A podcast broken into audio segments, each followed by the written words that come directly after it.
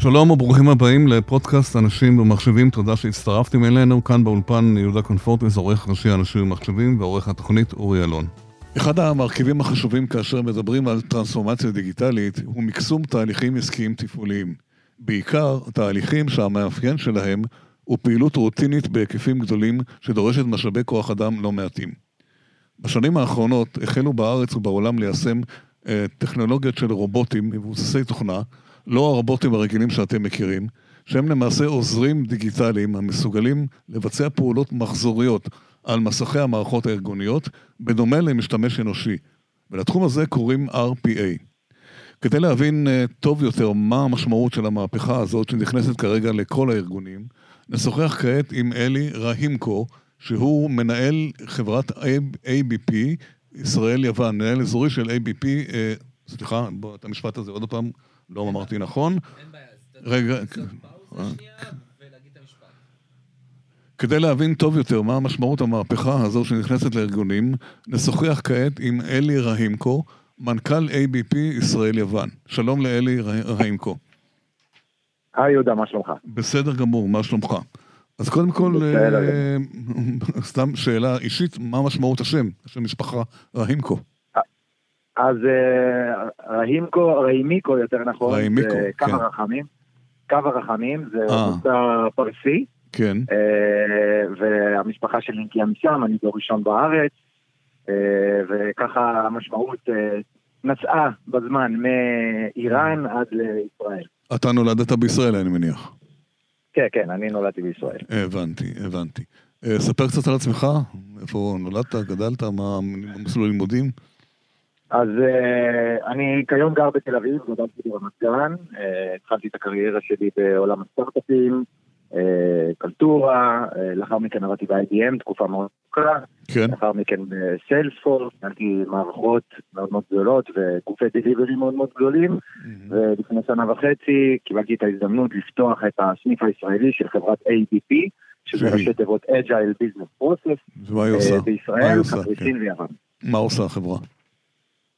החברה בעצם מתעסקת בכל עולם ה hyper automation, אנחנו חברה שמספקת שירותים ומוכרת רישיונות בכל העולמות שנכנסים תחת הכובע הזה שנקרא hyper automation, שזה שילוב של טכנולוגיות מתקדמות כמו Machine Learning, AI, מערכות תומכות לעולם הרובוטיקה, וכמובן מתעסקים גם בעולם רובוטיקה ממוחשבת, שותפים בכירים okay, אוקיי, של המרקט לידר. טוב, עכשיו אמרת כמה משפטים, מושגים שלא בטוח שכל המאזינים יודעים, בוא תסביר לנו מה, מה מדובר ומה הכוונה שמדברים אוטומציה בתעשייה קיים המון זמן. מה החידושים בעניין הזה, התחום של ה-RPA, למה הכוונה ומה קורה בשוק הישראלי גם? אוקיי, okay, אז, אז אם אנחנו קודם כל הולכים באופן כללי, אז עולם האוטומציה בעצם עשה איזשהו שדרוג בשנים האחרונות, אפשר להגיד בארבע, חמש שנים האחרונות, כן. והבינו בעצם בתעשייה שעל מנת באמת ללכת ולמקם תהליכים עסקיים מקצה לקצה, אה, צריך לתת מענה על ידי מספר מסוים של מערכות שיודעות להתמודד עם מספר מסוים של דרישות עסקיות. כן. ולכן שילבו טכנולוגיות מתקדמות עם העולם הזה, ביניהם גם עולם הרובוטיקה הממוחשבת שציינת בתחילת השיחה, mm-hmm. שזה בעצם אה, רובוטי תוכנה, כן. שיודעים לחקות פעולות של בני אדם, ובעצם לבצע פעולות ידניות, רפטטיביות, שאין בהן צורך בשיקול דעת אנושי. בקלות, במהירות, ללא שגיאות, אה, וכמובן, אה, הפועל היוצא של הדבר הזה זה פינוי זמן מאוד משמעותי לעובד, כדי שיוכל להתעסק באמת במשימות שדורשות את שיקול הדעת האנושי שלו, שדורשות אה, בעצם אה, איזשהו ערך מוסף מעבר למשל להעתיק נתונים, להעביר נתונים בין מערכות, להכין דוחות, הדברים הטכניים שלא כן. דורשים אה, אה, איזשהו שיקול דעת, היום רובוטים יכולים לעשות בקלות ובמהירות. אז זה כבר אה, ברמה המעשית, זה כבר דורש שינוי ארגוני, זה כמו משהו שתהליכים שפעם דיברו על זה, על המהפכה התעשייתית. איך זה עובד בארגונים, איך ארגונים מקבלים את זה, איך, איך עושים את זה. בעצם. נכון, אז... אז זה לא קל, אתה יודע, בעצם, כמו שאתה יודע, כן. כן, יפה, וזו נקודה מעניינת, כי צריך לגעת באתגר הזה, שאנחנו קוראים לו איזשהו שינוי ארגוני, או נכון. שינוי תפיסתי שצריך לקרות. כתוצאה מהכנסה של טכנולוגיות חדשות וכתוצאה מפינוי זמן של עובדים. גם במהפכה התעשייתית, נכון. בעצם היה את החשש הזה, למשל שיכולות, ייקחו עבודה של בני אדם ולא יישאר לאנשים מה לעשות, אבל הוכח כבר שהחשש הזה בעצם התפוגג, וממש לא, כי כמו שיש עבודות שהיום הן כבר לא רלוונטיות, נולדו בעצם עבודות חדשות שמעסיקות את העובדים ונותנות איזושהי תעסוקה לעובדים. כך גם בעולם הרובוטיקה. אם החשש ההתחלתי היה רגע, רגע, רגע, אנחנו מחליפים פה אנשים, אנחנו... בדיוק, זה בעצם, הפחד, זה החשש, כן. כן. יפה, אז, אז, אז לאט לאט החשש הזה בעצם מתפוגג בכך שאנחנו אומרים, לא, אנחנו לא רוצים להחליף את הגורם האנושי, אנחנו לא רוצים להחליף את הגורם האנושי, אנחנו רוצים בעצם לפנות זמן חשוב, שבעצם אה, אה, אה, יגרום לעובד להפעיל את שיקול הדעת שלו, ובעצם אנחנו יכולים להשיג הרבה יותר ערך מהדברים האלה דרך הכנסה של טכנולוגיות רובוטיות כאלה ואחרות. כן. עכשיו, בואו בוא, נגע רגע בצד הטכנולוגי, הרובוטים, הבוטים האלה הם מבוססי תוכנה. איך מלמדים אותם? הם, איך זה נעשה? מה, מה הם בכלל? זה דורש המון בינה מלאכותית, המון, המון חוכמה בדברים האלה, נכון? אז, אז זה לא נתון ברמת מורכבות היישום וברמת מורכבות התהליך. כן. Uh, היישום הרובוטי, כשהוא לעצמו, הוא לא מסובך, הוא מאוד מאוד mm. פשוט. וקל אה, להטמעה, כמובן תלוי בתהליך העסקי. כן. אה, לאחר מכן, אם אנחנו מדברים על אה, מיקול של תהליכים עסקיים יותר מורכבים ותהליכים שבעצם יושבים בליבת הארגון ודורשים קבלות החלטות כזו או אחרת, אנחנו מדברים על שילוב של טכנולוגיות אחרות ובעצם הכפלת הכוח של הרובוטיקה הממוחשבת על ידי שילוב עם מערכות כמו מנועי Workflow, מנועים לקבלת החלטות, כלי סריקה ומיצוי של מסמכים, כלי ארכוב של מסמכים. process mining, שזה בעצם אה, אה, אה, בחינה של התהליכים הארגוניים בהסתמך על דאטה אמיתי, והוצאת תובנות לגבי היכן נמצאים צווארי הבקבוק, איפה יש לנו תדירויות גבוהות בתהליך. מה העונתיות של התהליך, האם הוא יציב לאורך השנה, או שיש לו איזה שהם פיקים אה, אה, מסוימים, כמו ב, למשל בעולם התיירות, שחופשות הקיץ זה דבר שהוא מאוד מאוד אה, נכון. עונתי, כן. ואנחנו צריכים לתת מענה לדבר הזה מבלי להוסיף כוח אדם נוסף או מבלי להכשיר כוח אדם נוסף, אנחנו רוצים לתת לזה מענה על ידי אה, אה, הכנסה של אה, טכנולוגיות אוטומציה כאלה ואחרות, כמו טכנולוגיית RPA. עכשיו, אני מניח שהנהלות או שמקבלות החלטה על הדבר הזה, הן בטח מחפשות את ה-ROI. כאילו, יכול להגיד, בעצם, למה אני צריך להשקיע בטכנולוגיה, אני אקח עוד שניים, שלושה פקידים או פקידות, בעלות לא גבוהה, ואני אמשיך בזה, אז מה, מה, מה משכנע אותם בכל זאת לעשות את זה?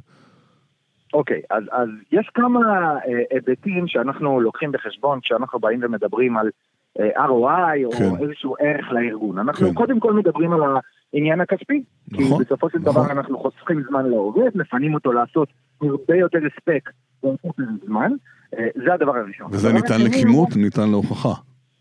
בוודאי, זה כן. אמפירי, מספרי, אפשר למדוד את זה, אפשר כן. לחשב את זה, זה הדבר הקל. כן. הדברים שקל אה, למדוד אותם בערך, אבל לא קל למדוד אותם במספר או בכמות, אלה שני אלמנטים מאוד מאוד חשובים, שזה שביעות רצון עובד ושביעות רצון לקוח.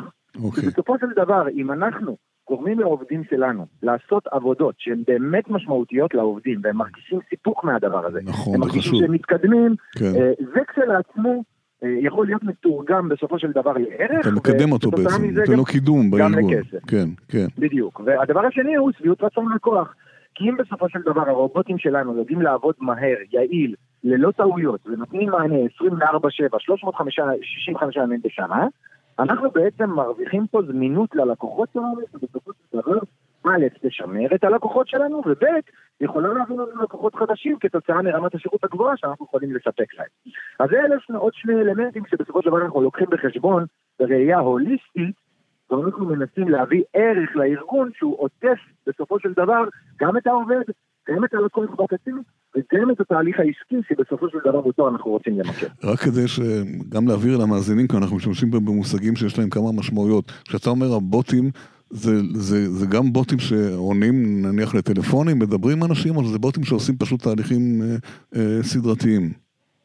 אז, אז אה, עדיין אין לנו את ה... המילה היא אותה מילה, אה, כן, אותה מילה, כן. אז, אז עדיין אין לנו את הטכנולוגיה שמדברת ממש בשמע עם אנשים, אבל יש לנו טכנולוגיה שבסופו של דבר אתה היום בתור לקוח או בתור עובד יכול להתכתב בשפה טבעית, מאוד uh, פשוטה, עם רובוט, ולהגיד לו לבצע משימות בשבילך. זה, זה בעצם הבשורה כן. החדשה. זה קיים כבר? כן, על, כן. על העתיד, כן, כן, זה קיים, uh, וזה גם הולך להיות העתיד. זאת אומרת, uh, בסופו של דבר עד היום ניסינו להפריד בין האלמנט הרובוטי לאלמנט האנושי. נכון. וזה לא טוב ונכון, כי הבנו בסופו של דבר, ביצענו מיפוי למשימות שאנחנו רוצים שיעשו על ידי רובוט, ולמשימות שיעשו על ידי בן אדם שדורשות שיקול הדעת. מה שיפה היום לראות, כשאנחנו מסתכלים קדימה אל העתיד, אנחנו רואים בעצם את החיבור הזה בין הגורם האנושי לגורם הרובוטי, שמתבצע מחדש, אבל בדרך נכונה וטובה. ואחת הדוגמאות הטובות ביותר לזה, היא למשל, אם אנחנו היום מסתכלים על עובד, ועל כמות המערכות שעובד צריך להתחבר אליהן בו זמנית כדי לספק איזשהו שירות פנימי או חיצוני, אנחנו מדברים על מספר רב של מערכות. אבל מה היה אם היינו יכולים לתת לבן אדם הזה איזשהו עוזר וירטואלי, שהוא יכול לדבר איתו בשפה טבעית מאוד מאוד פשוטה, והעוזר הזה היה נכנס לכל המערכות האלה ומבצע את כל הפעולות האלה בקלות ובמהירות. כך שבסופו של דבר בן אדם מדבר עם גורם אחד, אבל הוא נמצא בכל המערכות הארגוניות במקביל, וזו הבשורה הגדולה שאנחנו מדברים על העתיד של עולם הרובוטיקה. יש מחסום של שפה? יש מחסום של שפה כאן? כי לא, עברית אתה יודע לא בדיוק. מה? נכון, אז הטכנולוגיות המתקדמות שאנחנו מדברים עליהן היום משתמשות ונסמכות על NLP ברמה גבוהה, Natural Language Processing, כן. שבסופו של דבר מאפשרות לנו לדבר באופן חופשי ובשפה טבעית עם הרובוטים, ולרובוטים באופן טבעי להבין אותנו, להבין את הסנטימנט שלנו, להבין אם אנחנו אה, כועסים, אם אנחנו שמחים, אם אנחנו רוצים איזשהו משהו. כן. זה לא הרובוט המוגבל שהיה פעם. זה הרובוטים... וגם בשפה העברית, גם בשפה העברית. בדיוק, גם בשפה העברית. אגב, ב-30 שפות. אה, מעל 30 שפות בעולם כבר מובנות בתוך הרובוטים החכמים האלה, ויכולים לתת מענה בשפה הטבעית לכל דרישה או שאנחנו בעצם באים ומגדירים אותה אה, על ידי הרובוטים. מי מייצר את התוכנות האלה? זה חברות מסוימות? זה התמחות? כן, אז, אז אנחנו ספציפית עובדים עם אה, שני market leaders, הראשון אה, זה חברת UiPath, אה, כן. שהיא אה, אה, בעצם אה, מובילה את אה, תחום הרובוטיקה בעולם, והשני הוא חברת IBM, אה, שגם אה, יש לה מוצר RPA ומוצרים נלווים אחרים, ואנחנו בסופו של דבר, האחריות שלנו בתור אה, אינטגרייטור, מה שנקרא, כן. או מספקי שירות, האחריות שלנו היא לבוא וללוות את הלקוח משלב בניית האסטרטגיה, או משלב האיזום של דברים כאלה, דרך בחירת הכלי הנכון, לפי הדרישות העסקיות, דרך היישום, הבדיקות, העלייה לאוויר, וכמובן תמיכה ותחזוקה אה, להמשך. אז כשאנחנו באים ללקוח, אנחנו תמיד שומעים קודם את הדרישה העסקית. אנחנו אגנוסטים רגע לגבי הכלי או הטכנולוגיה, mm-hmm. ואנחנו מנסים להבין מה, מהי באמת נקודת הכאב, מה אנחנו מנסים לפתור. אה, אה, ומתוך כך אנחנו בסופו של דבר יכולים לבוא ולהתאים את הכלי הטוב ביותר למשימה הספציפית שאנחנו מדברים עליה. יש באיזה מגזרים זה יותר פופולרי? אני יודע שבביטוח, מאיפה עוד? אז uh, הדבר היפה ברובוטיקה ממוחשבת היא שהיא מדברת בעצם לכל עולם ולכל תעשייה. Uh, אנחנו יכולים להסתכל על זה במגוון הלקוחות של חברת ה-IDT, קודם כל, וגם להסתכל על זה ברמה הגלובלית. אנחנו מדברים על תעשיות כמו עולמות הפיננסים, הבנקים. אה, אנחנו מדברים כמו אה, על תעשיות פרמסוטיקה, אנחנו מדברים על בתי חולים, הלפקר, עזרה בהבאת נתונים קליניים, חברות אבטחה, חברות יצרניות, יצרני מזון, יצרני משקאות, כן. חברות טק, חברות הייטק, שבסופו של דבר מבינות את הפוטנציאל העצום שנמצא ברובוטיקה ורוצות למקד תהליכים עסקיים בתוך המקומות שלהם. המגוון הוא באמת באמת רחב, ולכל אה, אה, אה, תעשייה כזאת, אנחנו בסופו של דבר מוצאים את האזורים המשותפים שאנחנו יכולים לבוא ולמקם תהליכים עסקיים. למשל, אם אנחנו ניקח לדוגמה, לכל חברה יש איזושהי פונקציית רכש, יש איזושהי מחלקה נכון, פיננסית, נכון. יש להם מחלקת משאבי אנוש, והתהליכים הם די דומים, הם די דומים בכולם, עם כמובן וריאנטים קטנים כאלה ואחרים, אבל בסופו של דבר קבלת עובד זה תהליך שנמצא בכל חברה. וביצוע הזמנת רכש זה תהליך שקיים בכל חברה. השאלה היא איך הוא קיים, והשאלה היא איך אנחנו על ידי הרובוטים בסופו של דבר באים, ובמינימום מאמץ אנחנו מביאים מקסימום ערך ללקוח. ומיקום תהליך עסקי מקצה לקצה. אתם, אתם חברה אה, בינלאומית, אה, אתה יכול, אה, איפה ישראל נמצאת מתקדמת, או לעומת יוון שאתה אחראי עליהם, איפה אנחנו נמצאים בסקאלה העולמית? אז, אז, אז זה, זה דבר יפה וגם אה, עוד דבר מעניין. אה, ישראל נמצאת אה, בעולם הזה של אוטומציה במקום אה, מאוד מתקדם. אה, כן. אנחנו כבר לא בשלב שבו ארגונים היו early adapters, מה שנקרא, והיו מתנסים בטכנולוגיה, היום אה, מעל 34% מהשוק הישראלי נמצאים כבר בטכנולוגיות אוטומציה, נמצאים ברובוטיקה ממוחשבת. יפה. אתה יכול לראות את זה בכל החברות הגדולות במשק הישראלי, אם זה כל הבנקים הגדולים, ה big enterprises, חברות mm-hmm. הביטוח, חברות יצרניות, חברות של retail, חברות אבטחה, ארגונים אה, רפואיים כאלה ואחרים. היום, ארגוני ממשלה אגב, היום כולם משתמשים ברובוטיקה ממוחשבת, רוצים רובוטיקה ממוחשבת, רוצים להרחיב את היריעה לכיוון אה, עולם ה hyper automation, שזה עוד mm-hmm. שילוב של מערכות כאלה ואחרות, אה, אה, והיום אנחנו נמצאים ברמה מאוד מאוד מתקדמת ביחס לאירופה. איך ביוון? ש... איך ביוון למשל? ביוון וקפריסין העסק הזה הוא די, די חדש, בוא נגיד את זה. בצורה כזאת. כן. אה, אה, אה, אנחנו מדברים על פרק זמן של שנתיים מאז שהטכנולוגיה הזאת בעצם התחילה להיכנס.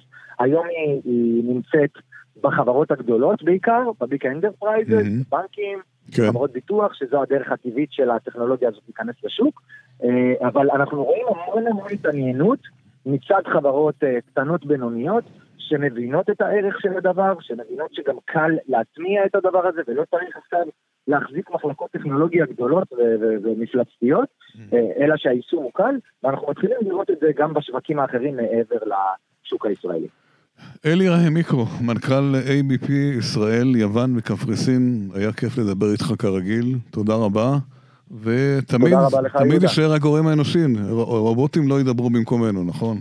תמיד זה יהיה... לא, לא. כן, אוקיי, תודה. הם תמיד יהיו לצידנו ויעזרו לנו. ברור. תודה, להתראות, יום טוב, ביי. תודה ויום טוב, ביי ביי.